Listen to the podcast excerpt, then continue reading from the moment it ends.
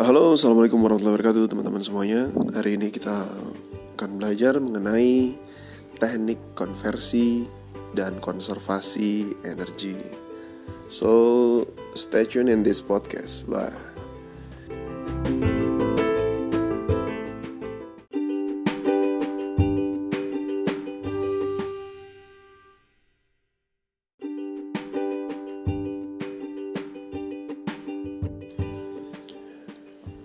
Oke, kita mulai satu-satu ya dari teknik konversi energi.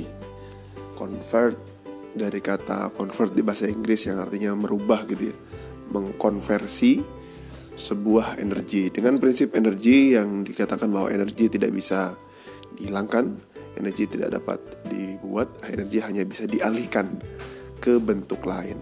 Maka teknik konversi energi fokus kepada pengadaan energi ya dari energi-energi lain.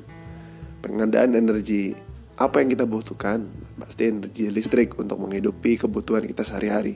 Nah, dari mana energi listrik itu didapatkan? Maka itu yang disebut dengan teknik konversi energi. Di sekeliling kita ada alam yang menyediakan banyak sekali energi. Nah, tapi belum optimal untuk kita bisa gunakan sebagai energi listrik. Dan apakah bisa semuanya dikonversi kepada energi listrik?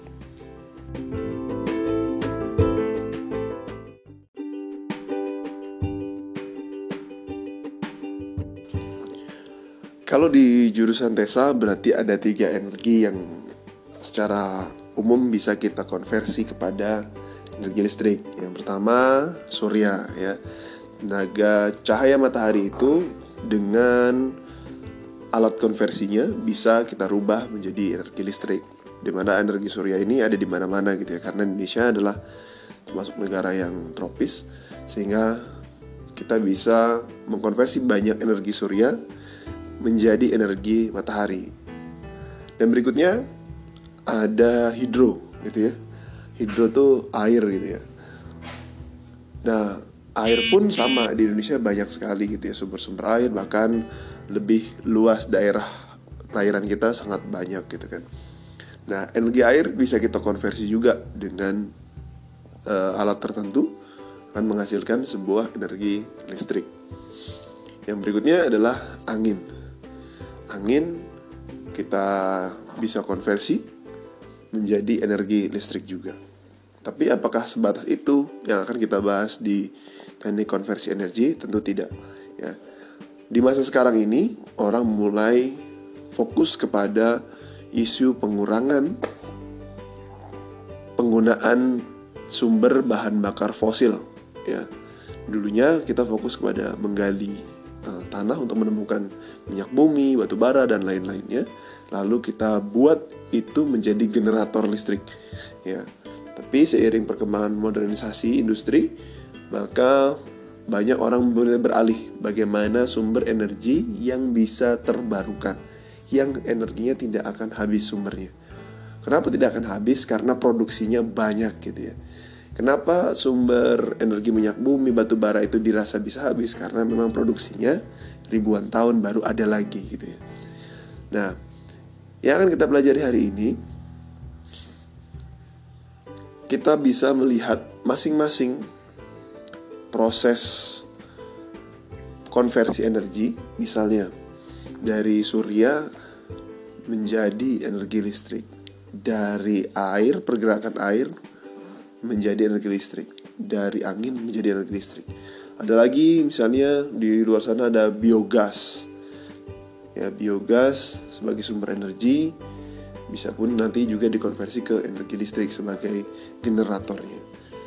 Ada lagi energi lain misalnya di luar sana yang memang sedang dikembangkan untuk menjadi sumber energi baru bagi masa depan baik um, langsung kepada diskusi hari ini. Silahkan nanti hasil diskusinya dimasukkan ke Google Form yang ada di Google Site. Kira-kira menurut kalian masing-masing dengan mungkin sudah pernah ke SMK satu Kemang ya sekolah kalian gitu ya. Potensi energi apa yang bisa kita uji coba, kita konversi menjadi energi listrik dari yang pernah kalian lihat di sekolah. Misal, sekolah tuh uh, dekat air terjun pak, misalnya gitu ya. Maka air terjunnya bisa kita rubah menjadi uh, generator listrik hidro gitu ya. Atau misalnya bagaimana? Atau misalnya apa?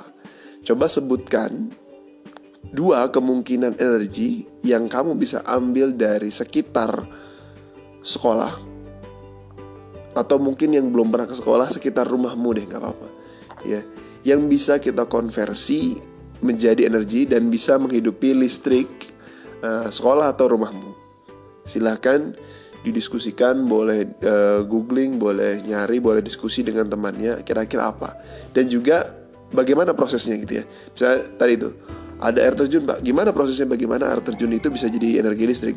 Oh dengan generator air pak. Kincir airnya nanti diputar dengan uh, gaya gerak dari air terjun maka dia bisa menghasilkan listrik.